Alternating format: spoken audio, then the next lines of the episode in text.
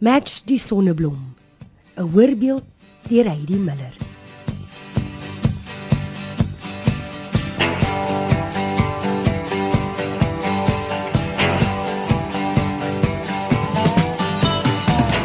sunflower. Good morning.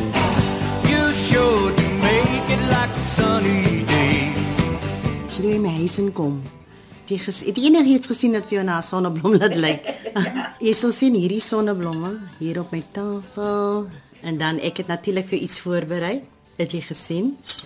Hier is 'n uh, sonneblom in hierdie bordjie.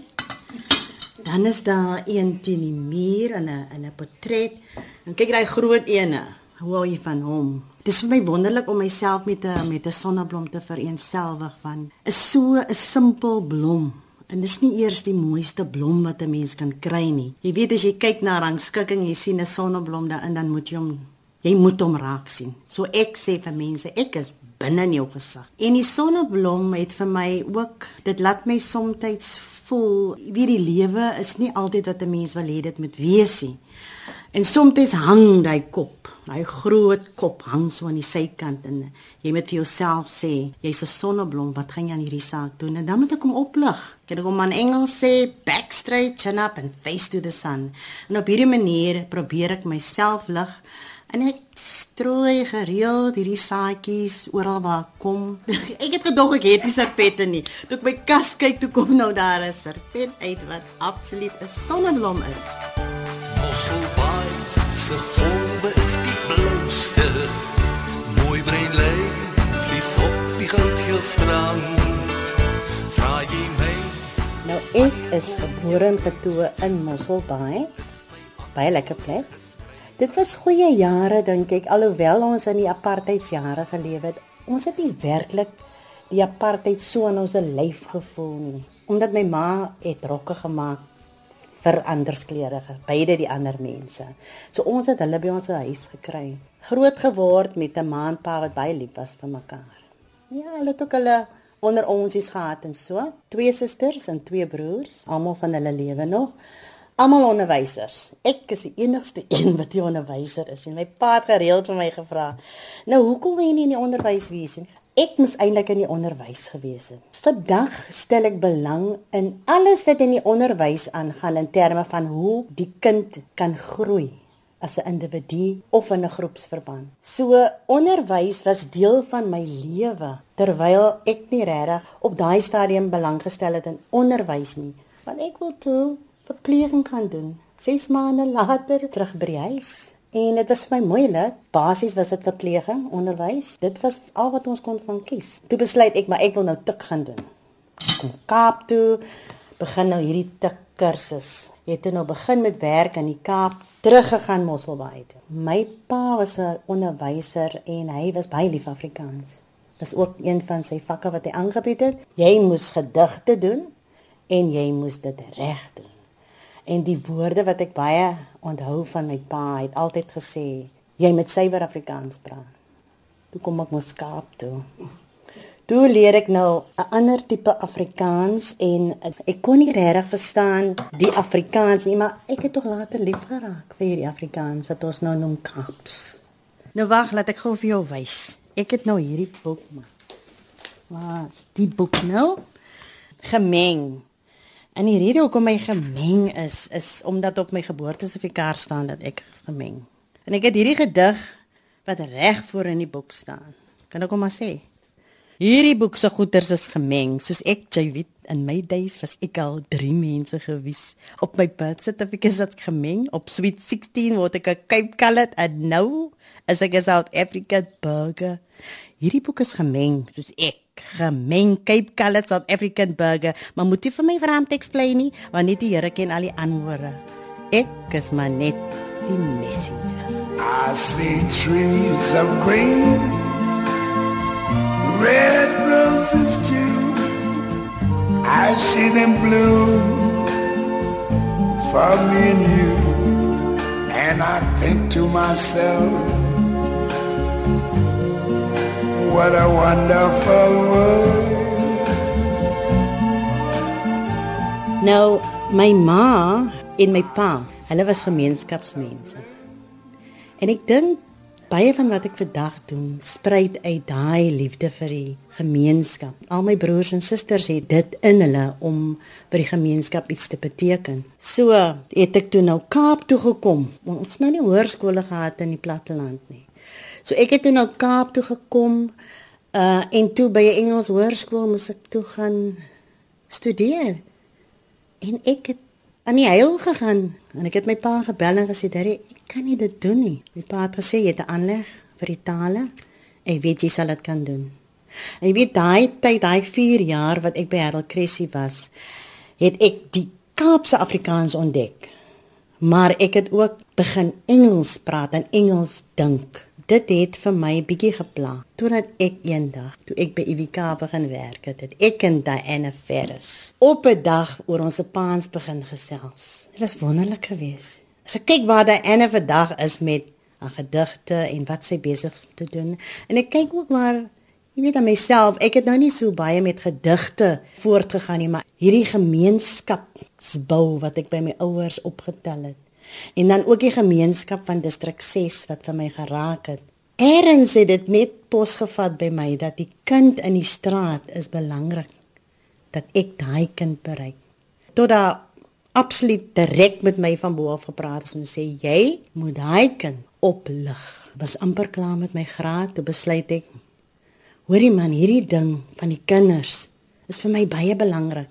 Dit gaan nou nie oor my nie, dit gaan nou nie oor Madge wat nou 'n graad het en daar stap sy oor die verhoog en kry nou al hierdie accolades. Vir my was dit noodsaaklik dat ek myself op so vlak kry dat ek die nodige vaardighede kan opbou om daai kind van die een punt tot die volgende punt te neem. Uh, my naam is Diana Ferris. Ek werk ook hier by die Universiteit van Wes-Kaapland sedert 1991 en dit is hoe lank ek Madge de Pre ken. Madge was die bestuurder van die fakulteit in daardie tyd of hulle sou sê die fakulteitsoffisier. Ek het haar begin te ken eerstens as 'n hoogs georganiseerde vrou al haar goed was in plek. Uh sy het die reëls mooi uitgespel, mooi uitgestippel waar ons beste vriende geraak het was. Uh omdat ons die liefde het vir die woord en dat ons liefde het vir wie ons is en waar ons dan kom. Het ek en Max oor ons paans gepraat en die liefde wat ons het vir hulle. En uit dit het gekom verhale wat later opgeneem is in 'n boek slaan vir my 'n maskervader verhale oor vaders. Madge is 'n wonderlike mens. Uh miskien te georganiseerd na my smaak. Dit het ons seker baie keer so 'n bietjie verby mekaar laat loop, maar verder dan dit is ons vriendskap 'n allerpragtige vriendskap. Sy's 'n fantastiese skrywer. Sy behoort nog hoër hoogtes te bereik as dit sy alreeds gebruik het. Haar liefde vir die mensdom, haar liefde vir haar God, haar liefde vir kinders en haar liefde vir studente sal haar deurstuur na die hoogtes toe waar sy moet kom.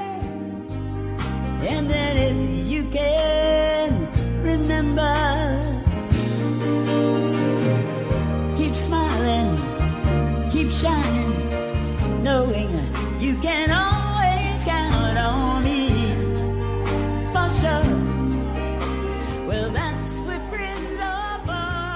Ek is Lucinda Victoria Wildskut en Auntie Madge het my ingeseën met die naam Lucy waarvoor ek baie lief vir is. Ek het gekom vir 'n onderhoud vir 'n administrative assistant om vir Madge te help met die EMS Student Support and Research Unit wat sy altyd sê dit klink salig op die tong as ons net sê Ezro. So 7 jaar na daardie um onderhoud met Madge sit ek vandag in 'n admin pos wat 'n permanente pos is. So ek dank haar vir die leiding wat sy my gegee het om hierdie pos te kan vasvat met al twee hande. Auntie Madge het vir my baie geleer oor leiding vat.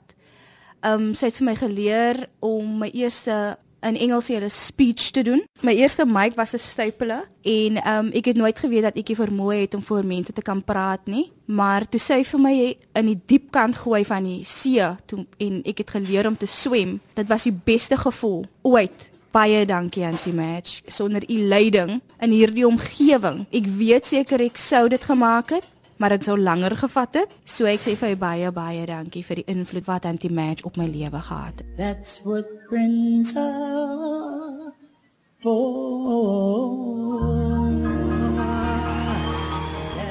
In 1996 was ek oor see teruggekom probeer om dinge te verander, maar jy weet die wêreld is mos maar anders. As jy kom met 'n nuwe ding dan mense vat nie eintlik notisie nie, maar toe besluit ek of mense nou daarvan hou of nie of notisie vat of nie, ek gaan hierdie ding bou.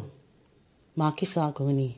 Ek het begin verswinkels doen op kampus in die gemeenskap.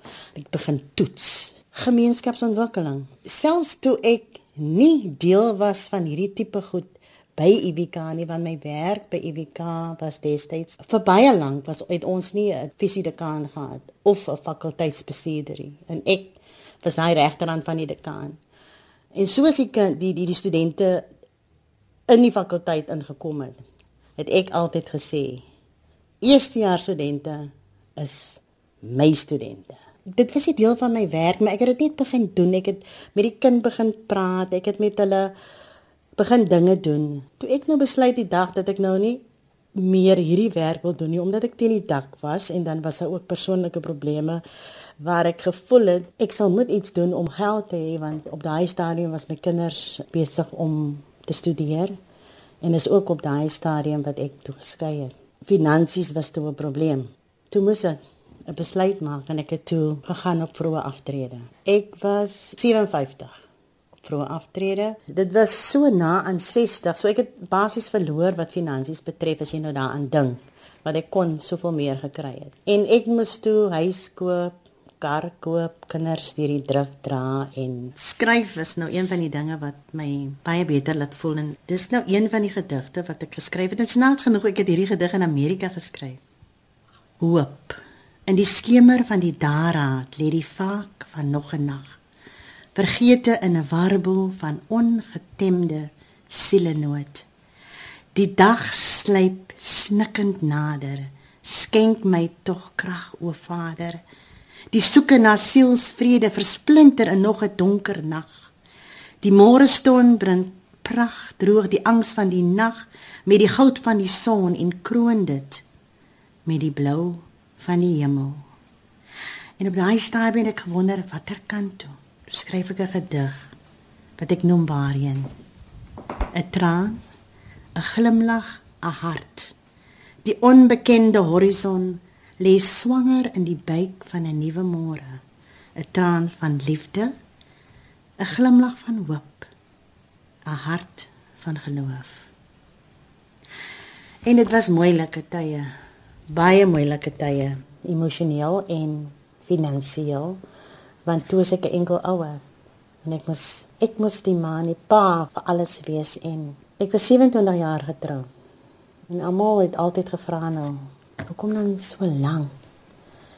Weet ek het altyd gedink dit sal regkom. Ehm um, en dit het, het nooit reg gekom. Maar as ek vandag terugkyk deur al die moeilike tye, dan kan ek regte waar sê dis absoluut my geloof wat my deurgedra het. En dis jy kan sien dit kom uit by albei gedigte kom dit deur. Die kinders het ook soms 'n bietjie gesukkel. Ek dink vandag sukkel van hulle nog met verhoudings omdat hulle sekere aspekte nie deel van 'n persoon wil hê nie.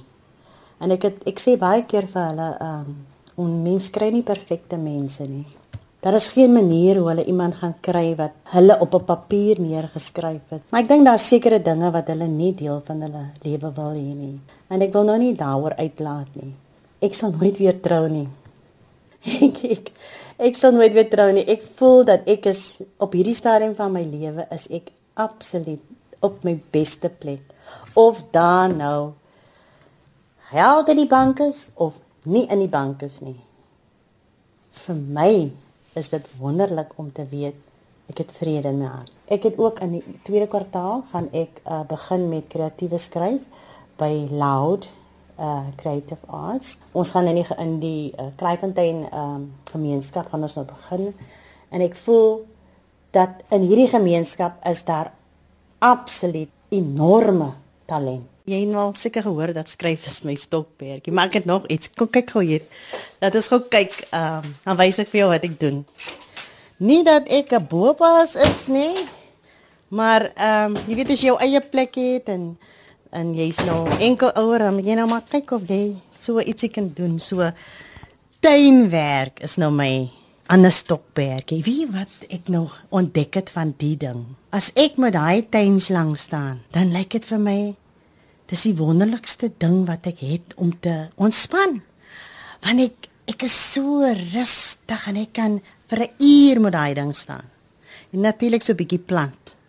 Nou ek is nou nie lief vir vreeslik baie blomme nie, maar struike is ek baie lief vir en um, ek het gereeld iemand wat vir my 'n bietjie kom spit, maar as ek nou voel ek het net nodig om my Vitamiin D te kry, dan ek rustig en ek en ek in die bakkery.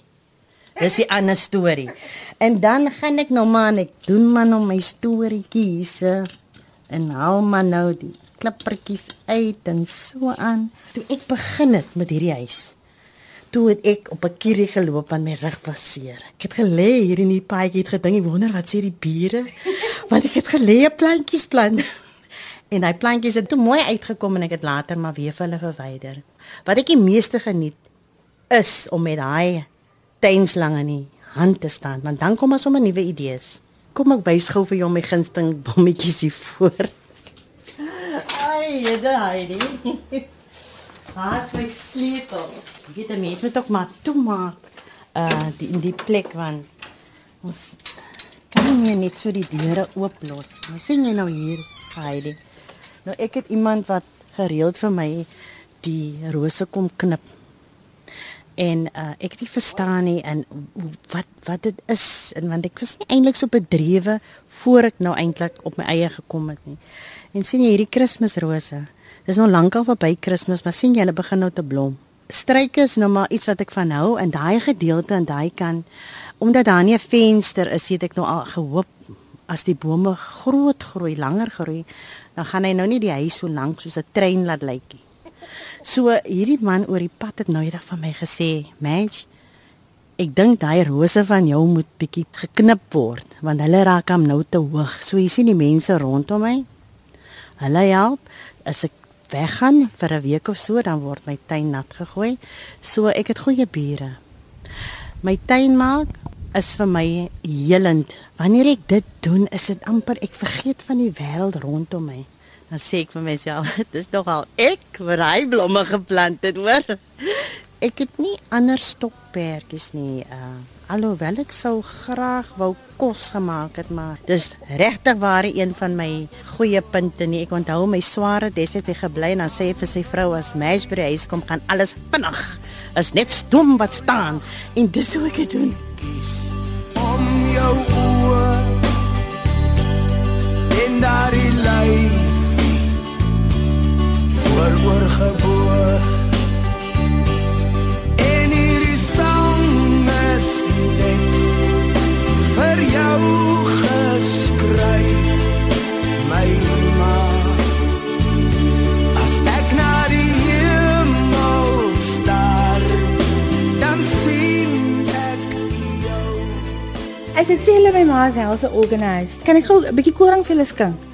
Ehm um, Nee, my ma is verskriklik organized. My naam is Marcel. Uh, ek is nou die die tweede oudste van my ma want uh, ek het 'n ouer boetie gehad. Uh, maar hy is nou oorlede toe hy nou 2 jaar oud was, ja. So ek is die oudste. die oudste van drie meisies. Ons uh, kinderjare was maar bietjie taaf. My pa was die streng ene, my ma was die sagter een. Uh, maar daar was daar wanneer ons sien my ma kwaad was. En ons sien dit as sy vinnig ry. Dan ref sy daai kar en sy ry hom. So dan weet ons okay. Mamy is nie 'n goeie by nie. My ma was ek iemand wat altyd van haar laaste gegee het vir haar kinders. Toe my suster nou oor see was, toe sê sy daar so baie kere wat my ma nou net vir haar uitgehelp het. Sy sit in Belgium en sy het nie meer geld want sy het nou haar vlug gemis en toe moes my ma nou geld gee sodat sy nou 'n nuwe tiket kan koop. Candice het toe geld gekry sodat sy haar vlugticket kan koop. Ek weet nie hoe 'n enkel ouer dit doen nie, maar my ma doen dit. Ai, en ek praat so baie "O, mami, nee, snikkie koek, hy die sny nie?" Ek het 'n spesiaal sjokoladekoek gemaak toe ons nog klein was. Elke Vrydag het ons altyd uitgegaan vir vir ete. Dan gaan ons stees toe. Hy het ons die bread packs. Elke maand en dis dis nou kry ons ons bread pack en ons yskrem. Hy eet ons hom nou lekker jong. En my ma was wa- van die soorte wat by organise was. As dit nou Kersfees is, dan is daai kot van my ma se kamer gestaan en vol presente en ek weet nie wanneer my ma Kersfees shopping gedoen het nie, maar daai kot was vol vir al die familie, vir my niggies, my ooms, almal toegedraai in alles. Toe toe ons nog klein was, het my ma darm kos in 'n uur gemaak. En dit was fantasties. I mean ons gunsteling, ek kan sê vir Candice, myself en Zita was die Chinese chicken. Die middelsuster, sy was mos oor see. As sy altyd huis toe kom, dan sê sy mami, maak asseblief my favourite Chinese chicken. Weet jy Heidi, op 65 het ek nou 'n besigheidsvrou. MTA Connection, connect with the unconnected. En natuurlik is die Sonneblom is absoluut my brand. Ek is baie bedrewe op sosiale media. Die skole probeer ek nou bereik. Ek is besig om na skole toe te gaan met prinsipale te praat en ek probeer ook om by skoolhoofde uh in groepe uit te kom sodat ek vir hulle kan verduidelik waarmee ek besig is. So ek vat wat ek by UWK gedoen het nou na die skole toe. sunflower. Good morning. You should make it like sunny Heidi, ek gaan nou nie vir jou leer hande wat gaan ek wil graag vir jou iets uit my boeket lees. En dit is nou te doen met die kind wat ek graag altyd bereik en as jy nou die gedig luister, sal jy self weet waaroor dit gaan. En die naam van die gedig is Ek, hy en sy. Het jy 'n pa en 'n ma of net 'n pa? Het jy 'n ma en 'n pa of net 'n ma? Ek het 'n ma sonder 'n pa. My ma is my ma en my pa. Sy het 'n pa sonder 'n ma. Haar pa is haar pa en haar ma. Hy het 'n ma en 'n pa, sy pa sy pa en sy ma sy ma. Wie is ek? Wie is sy? Wie is hy? En dis my eerste gedig. Heidi, ek het hom geskryf vir my pa net nadat hy gesterf het en dit noem ek hy was daar. Hy was daar altyd, 'n steunpilaar vir my. My lief en leed gedeel deur al die jare van my jeug. Nou is hy nie meer daar vir altyd. Hy was daar altyd 'n bron van wysheid en begrip vir my om na te reik in tye onderdruk. Nou is hy nie meer daar vir altyd.